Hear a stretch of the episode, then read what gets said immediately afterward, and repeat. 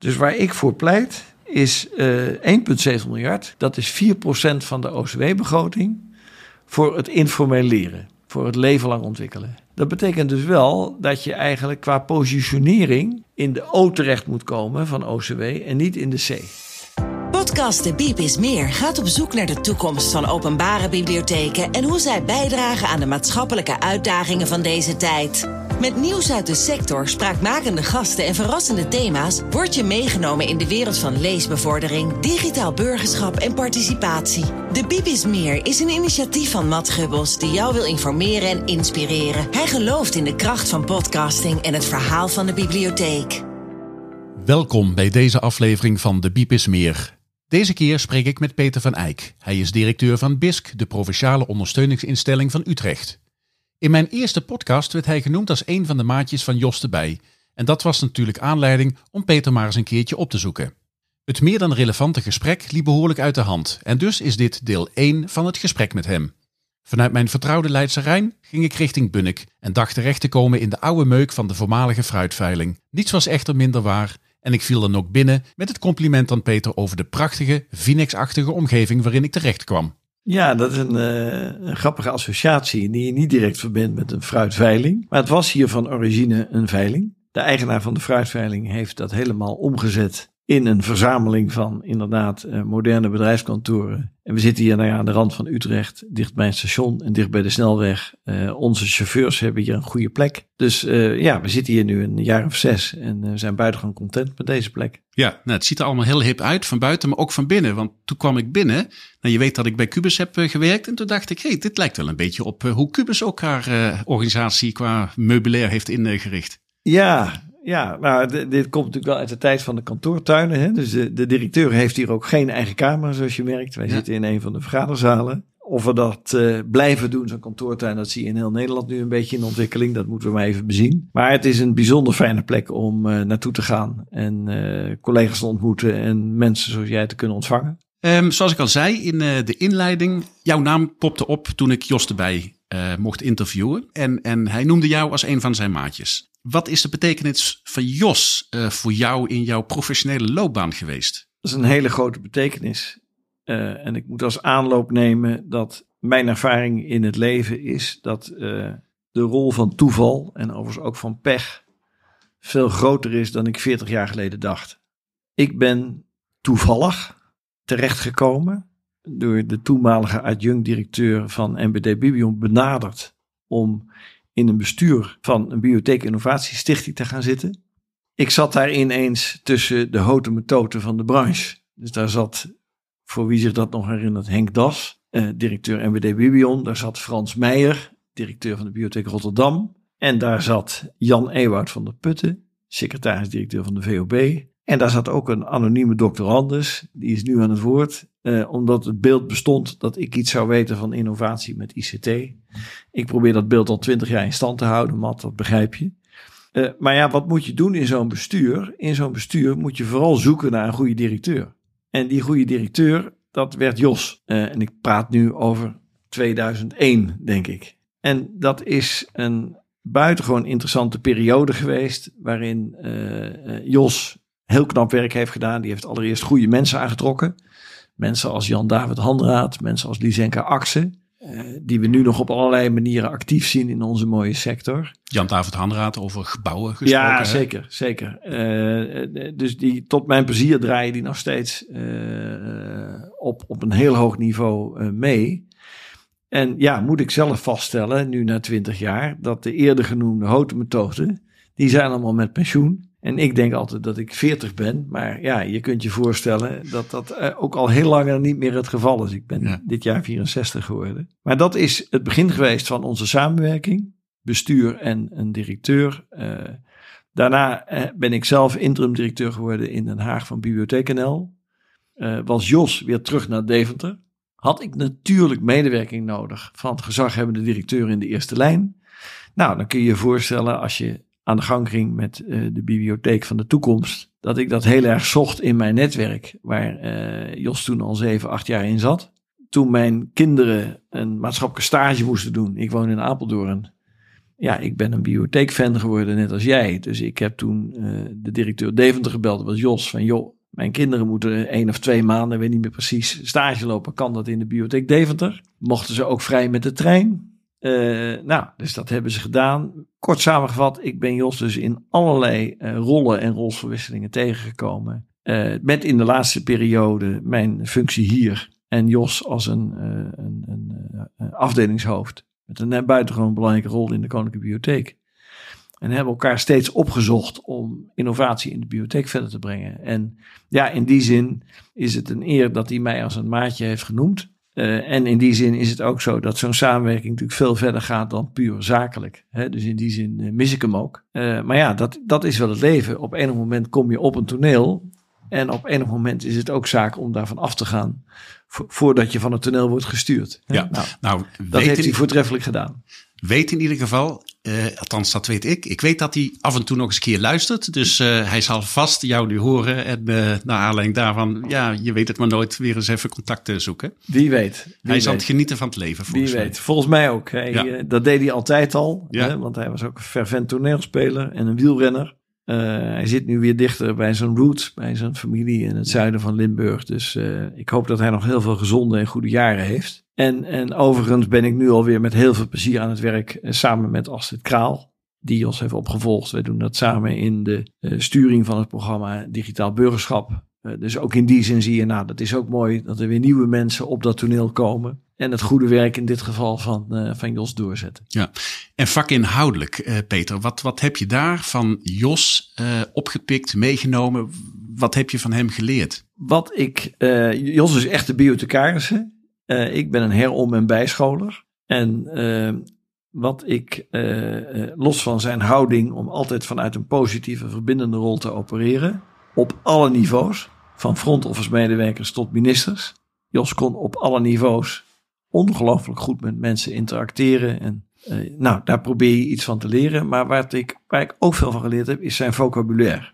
En ik geef je één voorbeeld. Ik heb vaak, ik heb lang zelfstandig gewerkt. Ook in de bibliotheekwereld. En dan, dan had ik wel eens workshops waarin je de openingsvraag stelde. Als de openbare bibliotheek niet zou bestaan, zou u hem dan anno nu oprichten? En dat zeiden dan de deelnemers in die workshop ook. Hè. Dat waren directeuren van, van, van diensten van bibliotheken of uh, van diensten van gemeenten of wethouders. En dan ontspond zich dus een gesprek van, van een half uur, drie kwartier. En dan kreeg ik natuurlijk ook altijd wel die vraag terug. Ja, Peter, je stelt die vraag wel, maar wat vind je nou zelf? En dan kon ik een antwoord geven. Dat geef ik nu ook. Dat kwam voort uit het vocabulaire van, van Jos. Uh, want antwoord 1 was, ik zou hem altijd oprichten. En er zijn drie redenen voor. Eén is, je wil een laagdrempelige toegang bieden tot betrouwbare bronnen van kennis en cultuur. Dat is de bibliotheek. Dat was de bibliotheek, dat is de bibliotheek. En dat is Seeds to Meet niet. En dat zijn aanpalende stichtingen ook niet. Die ja. toegang bieden tot bronnen, ja. Dat is wat de bibliotheek doet. Tweede wat de bibliotheek nu doet, is dat het een openbare en veilige werkplaats is voor iedereen. Seeds to Meet ook niet. Uh, daar zie je niet het diverse publiek wat je in een bibliotheek ziet. Zie je in een bibliotheek wel. Ga maar kijken. Bent u er al eens geweest? Riep ik dan terug. Ja, nee, dat hadden ze inderdaad wel gezien. Dus het viel op in positieve zin. Nou, en derde en laatste, waar, waar, waar Jos met Maaike en vele anderen hebben gewerkt, is de bibliotheek als wegwijzer. Dus de, de, de wegwijzer in de kennissamenleving waar iedereen gebruik kan maken van de diensten van degene die de wegwijzerfunctie vervult. Je hoeft geen lid te zijn om bij een IDO naar binnen te kunnen lopen en geholpen te kunnen worden. Warme doorverwijzing, die krijg je in de gemeente waar je woont. Nou, dus die wegwijzer, die werkplaats en die betrouwbare bron, uh, die laagdrempelige toegang tot betrouwbare bronnen. Je maakt er altijd een beetje een verhaal van, maar die drie essenties, die heb ik toch in hoge mate van, uh, van Jos meegekregen. En als ik dit zo vertelde in die workshop, was iedereen het daar ook wel over eens. En kon je het daarna hebben over het herstel van de voorzieningen. Uh, op een veel betere manier dan wat in de laatste tien jaar is gebeurd. Maar daar komen we zo nog wel over te spreken. Ja. Is dit perspectief hè, dat je schetst, hè, dat, hè, dat je deels van Jos ook uh, hebt, was dat ook dan die echte aantrekkingskracht voor jou om in die bibliotheeksector te stappen? Want je kwam uit de advieswereld. Ja, zeker. Nou ja, ik zei al dat, dat dat, dat is een, een, een, hoge mate van toeval dat ik in deze sector terecht kwam. Waardoor raakt die sector je zo? Omdat je inderdaad ziet, hey, die, uh, met name die toegang tot bronnen, die is niet voor iedereen gegeven. Uh, als je het geluk hebt gehad dat je iets hebt kunnen studeren en dat je een goede baan hebt, dan organiseer je je eigen bronnen om je heen wel. Voor veel mensen is het niet bereikbaar. Terwijl het om mee te kunnen doen in een moderne samenleving cruciaal is. Dus dan zie je, ja, de leestafel in zijn meest eenvoudige vorm. Maar natuurlijk ook datgene wat we later met de online bibliotheek zijn kunnen gaan doen. Dat is cruciaal dat je dat voor iedereen mogelijk maakt. De openbare en veilige werkplek. Ja, als je thuis een eigen werkkamer hebt, dat is allemaal buitengewoon luxe. In mijn studententijd had ik die niet, maar dan zat ik in de VU-bibliotheek. Naast een dame die later mijn echtgenoot is geworden, maar dat is geen verhaal voor deze podcast. Dus ik heb een buitengewoon warme herinnering, zou ik maar zeggen, aan mijn eigen jaren dat ik in een bibliotheek zat. Alleen je realiseert je, als iemand nou niet dat voorrecht heeft gehad om te kunnen studeren, waar kan iemand dan terecht? Altijd. Zonder dat er iets moet. Zonder dat je lid moet worden, zonder dat je horecabestellingen moet doen. Dat is die openbare bibliotheekvoorziening. Uh, gelukkig nog op een groot aantal plaatsen in Nederland. Dus dan zie je het belang om die voorziening in stand te houden en uit te bouwen. Nou, en als ik dan nog één stapje terug mag, daarna ga je je verdiepen in wanneer zijn we in Nederland hier eigenlijk mee begonnen. En dan kom je bij uh, het verhaal van de volksverheffing. Dan kom je nog eentje terug bij de grote denkers van de verlichting, van Humboldt, Montesquieu, later Thorbecke. En dan zie je verdraaid, we zijn dus inderdaad zo rond 1900 begonnen met die openbare leeszalen, omdat dat verlichtingsdenken ook in Nederland was opgekomen. En wat een voorrecht is het dan dat onze goede voorouders dat inderdaad ook hebben vertaald in uh, nou, het ontstaan van een HBS, te danken aan Thorbecke. Daarna zijn mensen dat lokaal gaan uitbouwen, openbare leeszalen. Met de oudste die teruggaan tot 1896. Engeland was geloof ik iets eerder.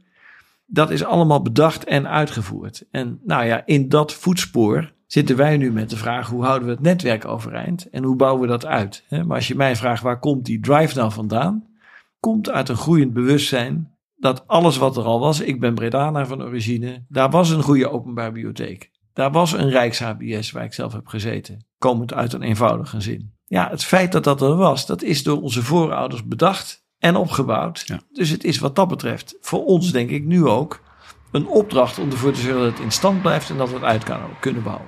Ja, met name dat uitbouwen, want daar zit volgens mij de aantrekkingskracht richting de toekomst in. Om toch nog even wat jaartjes in de sector eh, te verblijven, Peter. Nou ja, dat zeker. Hè. Eh, op enig moment uh, komt ook bij mij de eerste AOW binnen. En dat ligt, dat ligt geen tien jaar na nu. Uh, dat is in ieder geval duidelijk. Maar uh, het mee blijven doen op enige wijze. En zorgen dat datgene wat door onze voorouders is opgebouwd, dat je dat helpt uitbouwen en in stand houden. Ja, dat is mij door in de loop van de jaren uh, steeds meer gaan inspireren. en daar zit natuurlijk achter de zorg dat we de afgelopen tien jaar behalve de erkenning van het maatschappelijk bibliotheek we hebben gezien, ook hebben gezien dat het netwerk is gekrompen. En dat we dat juist, maar op dat pad hebben we elkaar ontmoet, dat we dat juist met IDO's en met taalhuizen en met computercursussen en natuurlijk ook met een relevante lokale collectie, dat je van daaruit denkt, goh, hoe zou dan, en daar komen we straks nog over te spreken, hoe zou dan een toekomstige bibliotheekvoorziening eruit kunnen zien, nu heel veel beslissers in Nederland gezien hebben, ja, die bibliotheek is een essentiële voorziening. Nou, dat is een mooi woord, maar daarmee is de krimp in het netwerk nog niet gestopt. Dus daar is nog veel te doen. En dan denk je, nou, ik ben een van de 150 directeuren in het netwerk. Laten we eens kijken of we met een aantal geestverwante mensen kunnen kijken of we dat tij kunnen keren. En of we die wetswijziging dichterbij kunnen brengen. Zodat we over tien jaar kunnen zeggen, nou, dat heeft zich hersteld. Uh, de bereikbaarheid is hersteld. Uh, en het leven lang ontwikkelen is veel meer dan een mooie kreet. Maar daar komen we straks nog wel. Dat is nu ook gewoon wettelijk verankerd. Ja. Maar daar is nog veel te doen. Ja, daar probeer je dan een steentje aan bij te dragen. Ja. Een van de dingen die Torbekke en anderen die de bibliotheek zagen als een manier om het volk te verheffen, ja. niet konden voorzien, dat was alles wat met digitalisering en internet te maken had. Nou, toen kwam jij om de hoek kijken in 2009, directeur van bibliotheek.nl. Ja. Als je nou terugkijkt op die lange periode, hè, waarin heel veel gebeurd is op online en digitaal gebied en die ontwikkelingen die denderen maar door, hoe tevreden mogen we dan op dit moment als sector zijn in het omgaan met die uitdagingen van toen?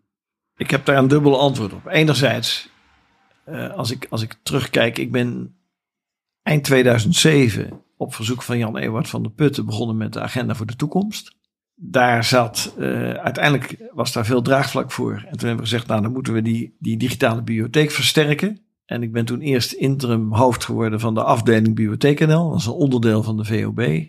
Dat hebben we dus vanaf 2008 kunnen verzelfstandigen naar een, een stichting. En gelukkig is die stichting daarna onderdeel geworden van de Koninklijke Bibliotheek. Want we hadden tijdelijk geld na een jarenlange lobby. Als je dan kijkt, wat hebben we daar bereikt? Nou, eh, nog één keer terug naar Jos erbij. Jos en ik hebben nog ledenvergaderingen toegesproken. Waarin we toch een beetje aan het leuren waren met een soort collecteerfinanciering voor 18 cent per inwoner per jaar. En uh, dat moesten de leden dan opbrengen en kon het allemaal wel. Als je kijkt waar we nu staan met de online bibliotheek, waar ik nog betrokken ben via de inkoopcommissie, dan hebben we een budget van orde grote 20 miljoen. Dus we hebben meer dan 1 euro per inwoner per jaar. We hebben een hele mooie collectie op kunnen bouwen. Dankzij de goede mensen van de KB. Dus dat zijn die 37.000 e-books, de 6.000, 7.000 luisterboeken. Een aantal betrouwbare digitale bronnen, die allemaal in dat lidmaatschap zitten. Dat is dus een verworvenheid. Er zijn zo'n kleine 400.000 actieve accounts. Dan denk ik, dat hebben we mooi gedaan, collectief als, als sector. Maar er is ook een tweede antwoord. En dat is een beetje wat ik bij jou in de vraag beluister. Intussen dendert de digitale trein door Nederland. Zeker ook in de COVID-periode.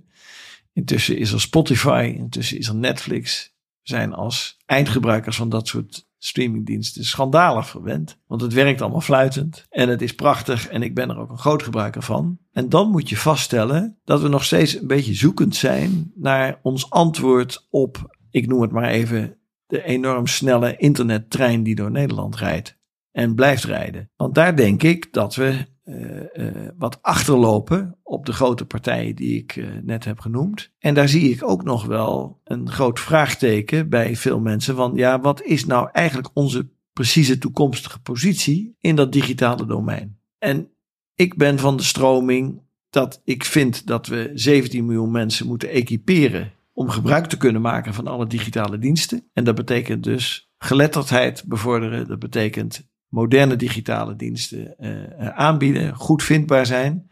Maar het betekent niet te proberen om te gaan concurreren met uh, de Facebooks en de Instagrams en de YouTubes van deze wereld. Dus de, de echte entertainment kant daarvan, daar denk ik dat is voor bibliotheken. We hebben de know-how niet, we hebben het financieel vermogen niet, we hebben het innoverend vermogen niet. Het zou al heel mooi zijn als het ons zou lukken om mensen voor te bereiden op het goed gebruik maken van internettechnologie. En ik heb wel eens een blogje geschreven over een digitaal zwemdiploma. En daar is ook wel weer een discussie over ontstaan van uh, moet dat wel een diploma zijn? Maar voor mij was de metafoor, we hebben in Nederland een land met heel veel water. En dat vele water heeft hele mooie kanten als je kan zwemmen. Het heeft hele gevaarlijke kanten als je dat niet kan. Dus in mijn Bredase was gewoon een zwemdiploma voor een mannetje in wat toen nog heette de vijfde klas. Maar dat is nu, ik moet altijd doortellen, groep 7. Dat was gewoon verplicht. Want we hadden besloten als gemeenschap, je moet kunnen zwemmen in Nederland, anders wordt het heel gevaarlijk. Dat hebben we eigenlijk op dit moment op het gebruik maken van internettechnologie nog steeds niet geregeld. Wij denken als iemand zijn telefoon kan bedienen, dat hij beschikt over informatievaardigheden.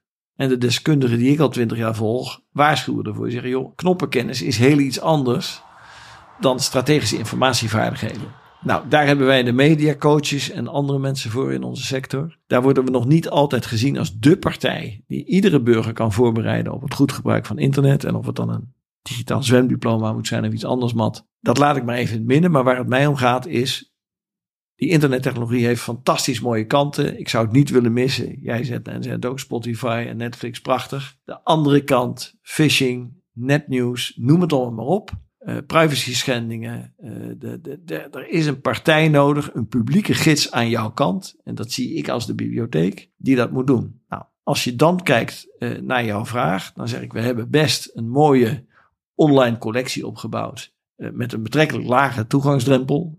Ik bedoel, uh, luisterboeken zijn bij ons vele malen goedkoper te raadplegen dan via uh, uh, de commerciële aanbieders. Zit allemaal keurig in je abonnement. Maar op dat punt van mensen voorbereiden en ondersteunen bij het goed gebruik maken van internet en alles wat ermee annex is. Ja, daar vind ik ons publieksbereik.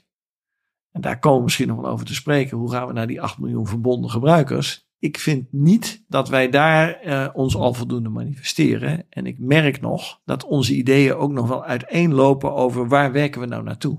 Dus die verbinding tussen de fysieke bibliotheekvoorziening en de digitale domein, die is nog steeds niet voldoende sterk. En, en wie we dus bedienen zijn de trouwe lezers. Daar ben ik er ook één van. Ik ben een fervent gebruiker van de online bibliotheek. Maar dat zijn er 400.000. En we willen voor veel meer mensen relevant zijn. Dus ik denk dat we daar nog behoorlijk wat denkwerk met elkaar te verzetten hebben. Nu zijn wij als sector heel goed in mensen leren om om te gaan hè, met die digitale werkelijkheid. Klik en tik, digisterker, het IDO. Hè, met name in coronatijd heeft dat ook aangetoond nut en noodzaak daarvan. Zeker. Maar als je nou kijkt naar onze eigen sector, naar onze mensen, onze collega's, onze partners. Hoe digivaardig is onze sector zelf eigenlijk om die toekomst verder vorm en inhoud te geven?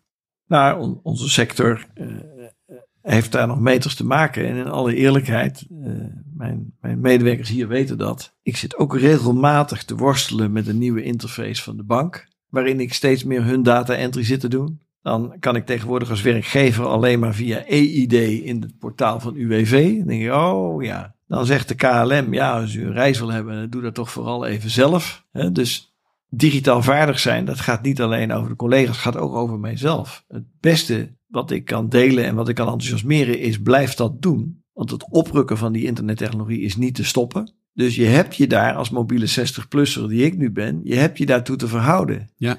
En ja, dat het nog zo is. Als ik in jouw auto stap, dan is er een grote kans dat het gaspedaal rechts zit en de rem in het midden. En als je een versnellingsbak hebt, de koppeling links. Maar in de internettechnologie zit je iedere keer na te denken van jongens, wat zijn hier de basics en wat zijn hier de standaarden? Nou, die wereld zit in wat in de auto-industrie was de jaren 30. Toen reden we auto's, ja, moest je je eigen gereedschapskist meenemen.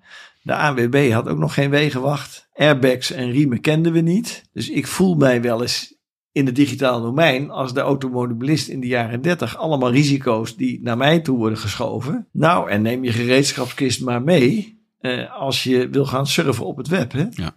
Niettemin, in die fase zitten we. Ja.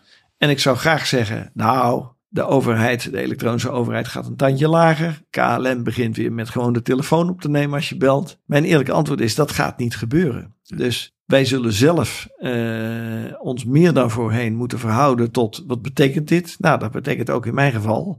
Ga maar weer kijken in je wachtwoorden speakboekje. Want hoe zat het er alweer bij het inloggen bij de bank?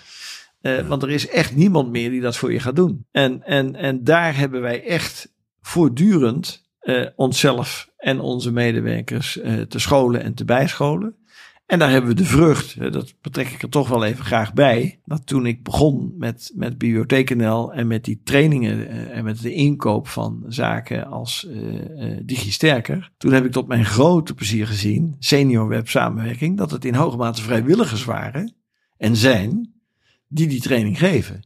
En uh, ja, dat is weer het goede nieuws bij dit alles. Er zijn dus heel veel hoogopgeleide mensen die het gewoon ontzettend leuk vinden om hun kennis en vaardigheden op dit gebied ter beschikking te stellen. Onder de mooie vlag van het openbaar bibliotheekwerk. Ja. En grappig hè, om te zien hoe wij jaren geleden vrijwilligers eigenlijk hè, de deur wezen. Die, die mochten en zouden niet. En nu zien we ze echt als een van de belangrijke stukken sociaal kapitaal. Zonder meer. En, en uh, nou, wij zijn zelf bezig met een nieuwe applicatie voor de taalhuizen. Om te beginnen in Utrecht. Ook daar zijn de coördinatoren in hoge mate hoogopgeleide vrijwilligers. Uh, die meewerken aan de grote maatschappelijke opgaven. En ik, ik, denk, ja, ik vind dat een enorm voorrecht. Ik ben altijd onder de indruk, uh, als ik kijk naar de cijfers en de vergelijking formatieplaatsen en vrijwilligers. Ook bij kleinere bibliotheken in onze werkgebieden.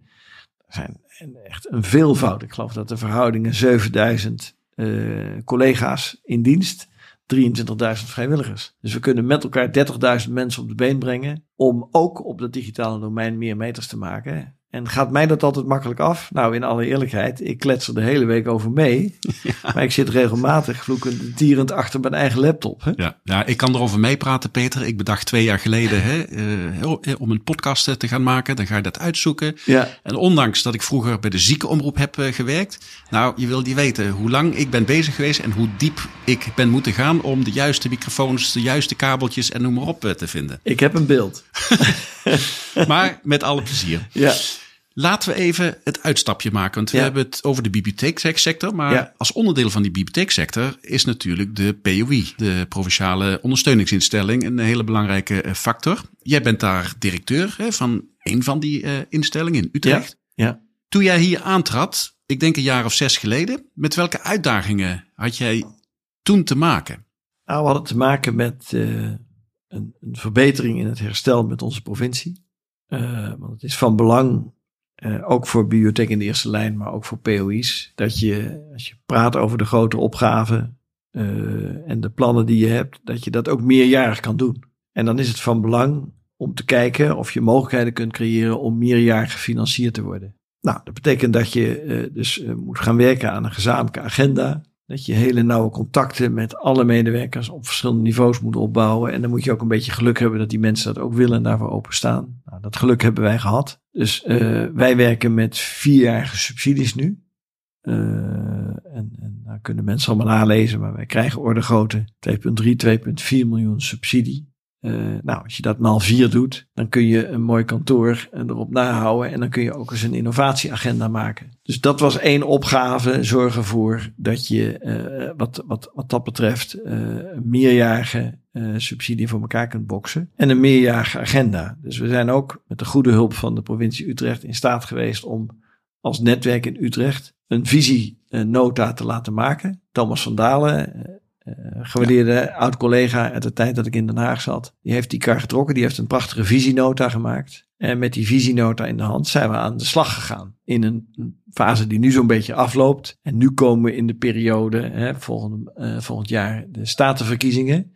Dus nu komen we in de fase, wat moet er in de komende vier jaar weer gaan gebeuren? Ja, nou, weer een stap verder. Weer een stap en liefst ook een stap omhoog. Dus we zijn enorm ons gaan verbinden op de spreiding, het in stand houden van het uh, bibliotheeknetwerk in Utrecht. Dat is ons, behalve Lopik, want daar, uh, daar, daar is geen openbaar bibliotheekvoorziening meer. Maar het is ons gelukt om ook een huis van ervaring, een bibliotheekvoorziening in Montfort terug te krijgen.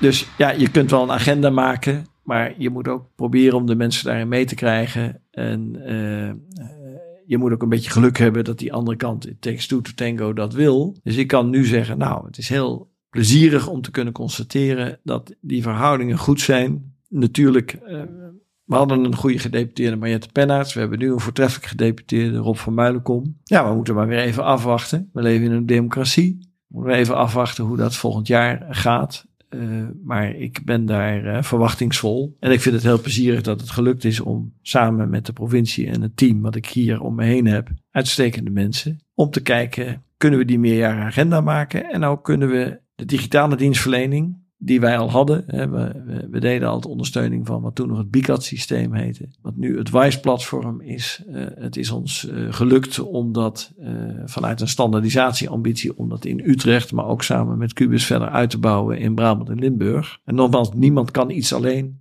Je doet het altijd als team. En het belangrijkste eigenlijk in deze is voor ons dat ongeveer de helft van onze omzet komt uit de exploitatiesubsidie van provincie. Dat provinciale mensen vanuit verschillende disciplines hebben gezegd, nou, zo'n partnerorganisatie als BISC is belangrijk. Daar zetten we onze middelen op in. Dus ja, wat dat betreft uh, hebben we een goede periode achter ons en kijk ik nu met verwachting naar de komende periode.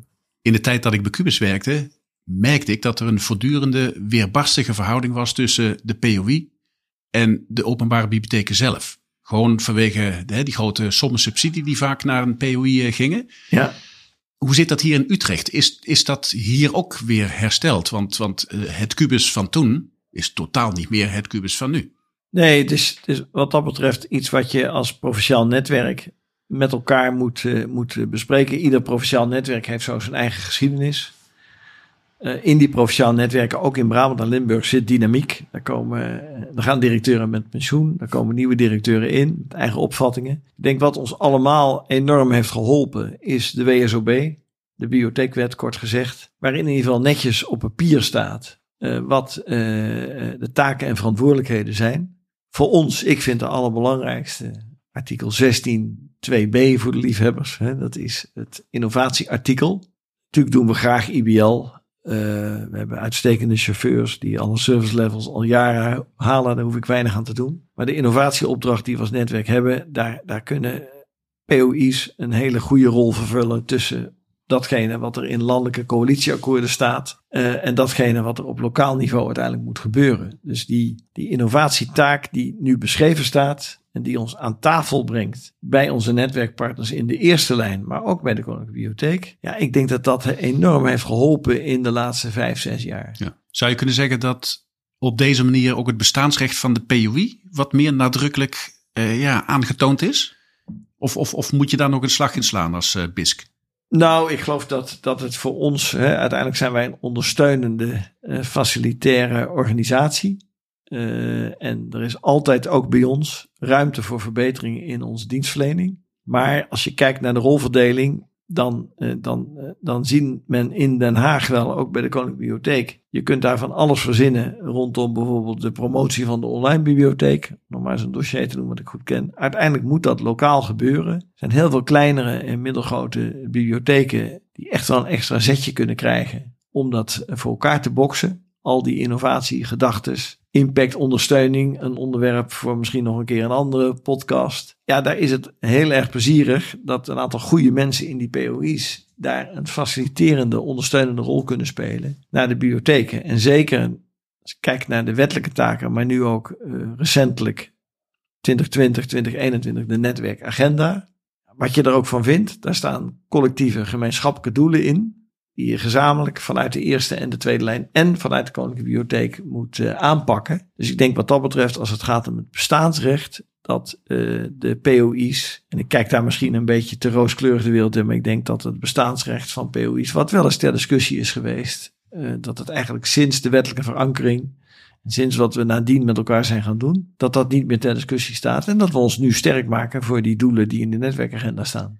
Ja, precies. En ik denk dat daar de aansluiting uh, zit. Als je niet meegroeit met de sector als uh, geheel, ja, dan kun je als POI allemaal uh, leuke dingen bedenken. Maar ja, als het niet gepikt wordt, dan, ja, dan, dan, dan ben je eigenlijk totaal overbodig. Zeker. En ja, we, we, we hebben daar een uitstekende omgevingsanalyse gemaakt. We hebben ons verbonden aan drie maatschappelijke opgaven. En we hebben daar, hè, kort samengedacht, wij zijn samen dat netwerk. En, en de inwoner van Nederland uh, die is totaal niet geïnteresseerd in hoe wij ons hebben georganiseerd. Dat er drie uh, overheden betrokken zijn. Uh, als ik dan op een verjaardagspartijtje iets begin uit te wijden over hoe wij in het netwerk werken, dan vragen mensen onmiddellijk hoe PSV heeft gespeeld afgelopen week tegen Rangers. Hè? Dus dan merk ik al, nou, ik kan beter stoppen. Maar je ziet daar, ja, dat is waar wij allemaal druk mee zijn. Maar we moeten natuurlijk niet vergeten, het gaat om die miljoenen inwoners voor wie we relevant willen zijn. En, en mensen denken vaak dat dat een concern is. Als je naar de online bibliotheek, naar de app kijkt, dan klik je hem aan en dan zie je de bibliotheek. Nou, de, de leek zou denken, oh, dat is het concern de bibliotheek. Geen idee hoe dat allemaal zo georganiseerd is. Maar fijn dat daar een goede collectie e-book staat. Nou, jij en ik weten al jaren. Nou, daar zitten, er zitten 150 organisaties achter. Plus de Koninklijke Bibliotheek als ZBO. Wat een wonder dat het gelukt is om elkaar collectief te organiseren. En laten we vooral die lijn vasthouden. We doen het voor de inwoners van Nederland. En die zien ons eigenlijk als één club. En jij en ik weten, nou, dat zijn we niet. Dat worden we ook niet. Nee. Dat, uh, nee. Zo moeten we ons ook niet organiseren. Als het maar relevant is in onze dienstverlening naar ja. de inwoners. Ja, nee, mee eens, mee eens. Ja, dan even naar die toekomst, hè? want Jos erbij had het er natuurlijk zeer uitgebreid over. En, en, en wat ik een beetje uit het verhaal van Jos kan terughalen uit de, de podcast en het interview dat ik met hem had, was ja, aan de ene kant heb je die transitie hè, waar we middenin zitten van klassieke uitleenbiep naar maatschappelijke biep. Maar eigenlijk zei Jos, ja, die bibliotheek, over 10 jaar, 20 jaar hoop ik dat dat ja, een zodanig uh, vanzelfsprekend instituut is dat het ook echt waarde toevoegt aan de samenleving als, uh, als uh, geheel. Ik heb daar vaak met Jos over kunnen spreken en we zijn het in hoge mate eens. Als ik drie punten mag noemen uit, uit wat ik wel eens noem mijn wensbeeld, waar werken we nu naartoe? Dan, dan begin ik met publiek. Hè? Mm-hmm. alle, ik zei het net al, alles draait in onze dienstverlening om publiek. En als we heel eerlijk zijn aan elkaar, dan zijn er nog heel veel publieksgroepen die wij op dit moment nog beperkt bereiken, waar we ons voor in moeten spannen. En daarom ben ik ook een voorstander van die doelstelling uit de netwerkagenda van 4 miljoen leden en 8 miljoen verbonden gebruikers. Alles draait om publiek. Dus als je, je mij vraagt 10 jaar na nu, dan, dan zie ik voor me dat we die 8 miljoen verbonden gebruikers hebben. Natuurlijk, we zijn er voor 17 miljoen. Kom daar zo op terug. Maar ik zie voor me dat dat ons gelukt is. En daar verschil ik met Jos. Ik ben ook een hoopvol mens, maar ik heb ooit geleerd van een oude leermeester: hoop is een zwakke strategie. Dus het gaat er niet zozeer om wat je hoopt, het gaat erom wat je verwacht. En wat je verwacht heeft te maken met wat je hier en nu aan het doen bent. Nou, wij zijn om die reden al jaren bezig met CRM-toepassingen. Om stapsgewijs toe te werken naar die 8 miljoen verbonden gebruikers. Mijn tweede component van het wensbeeld dat heeft te maken met de positionering van de bibliotheekfuncties. Ik praat op termijn liever over bibliotheekfuncties dan over bibliotheken zelfstandig. Dat gaat mij niet om het gebouw. Uh, Het gebouw met het bekende merk. Het gaat mij om welke functies vervul je nu. Nou, we hebben er al een paar genoemd. Toegang tot bronnen, wegwijzen, werkplaats. In de wet staan er vijf. Het gaat om de relevantie van de bibliotheekfuncties. En waar ik samen met anderen naartoe zou willen werken, is naar een situatie waarin we uh, kunnen spreken over het leven lang ontwikkelen. De wettelijke verankering daarvan. En laat ik nou eens een getal noemen. 100 euro per inwoner per jaar vast, die er voor dat leven lang ontwikkelen in Nederland is. Als ik daar heel kort nog op mag doorgaan, hè, want we hebben het nu over een wensbeeld. Dan zeggen God Peter 100 euro per inwoner per jaar. Ja, dat is dus 1,7 miljard. Ja, is 1,7 miljard. Ja, dat is veel geld. Ik heb het nog even opgezocht, want ik dacht ik krijg de kans om hierover te spreken. Weet jij wat het Rijk per jaar uitgeeft namens ons allen? Dus ik wil graag toewerken naar 1,7 miljard. Hè? Het Rijk geeft dit jaar 353 miljard uit. De OCW-begroting is 45 miljard. Dus waar ik voor pleit is uh, 1,7 miljard. Dat is 4% van de OCW-begroting voor het informeel leren. Voor het leven lang ontwikkelen. Dat betekent dus wel dat je eigenlijk qua positionering in de O terecht moet komen van OCW en niet in de C. Want in de C zijn we al heel gelukkig met een paar miljoen erbij. En met 170 miljoen herstel, waar de huidige staatssecretaris zich sterk voor maakt. Ik denk als we de SDG, hè, want je kunt het ook internationaal bekijken, de Sustainable Development Goals. Daar is SDG 4 gaat over toegang tot uh, onderwijs voor iedereen. Als je dat nou serieus neemt en je vertaalt het naar Nederland en je brengt dus in de discussie 100 euro per inwoner per jaar, betekent u bent gratis lid. Want u woont namelijk in Nederland of u bent geboren in Nederland. Gefeliciteerd. We zijn een steenrijk land. En we hebben als gemeenschap besloten dat uh, nu u hier geboren bent, het is wel een complex land.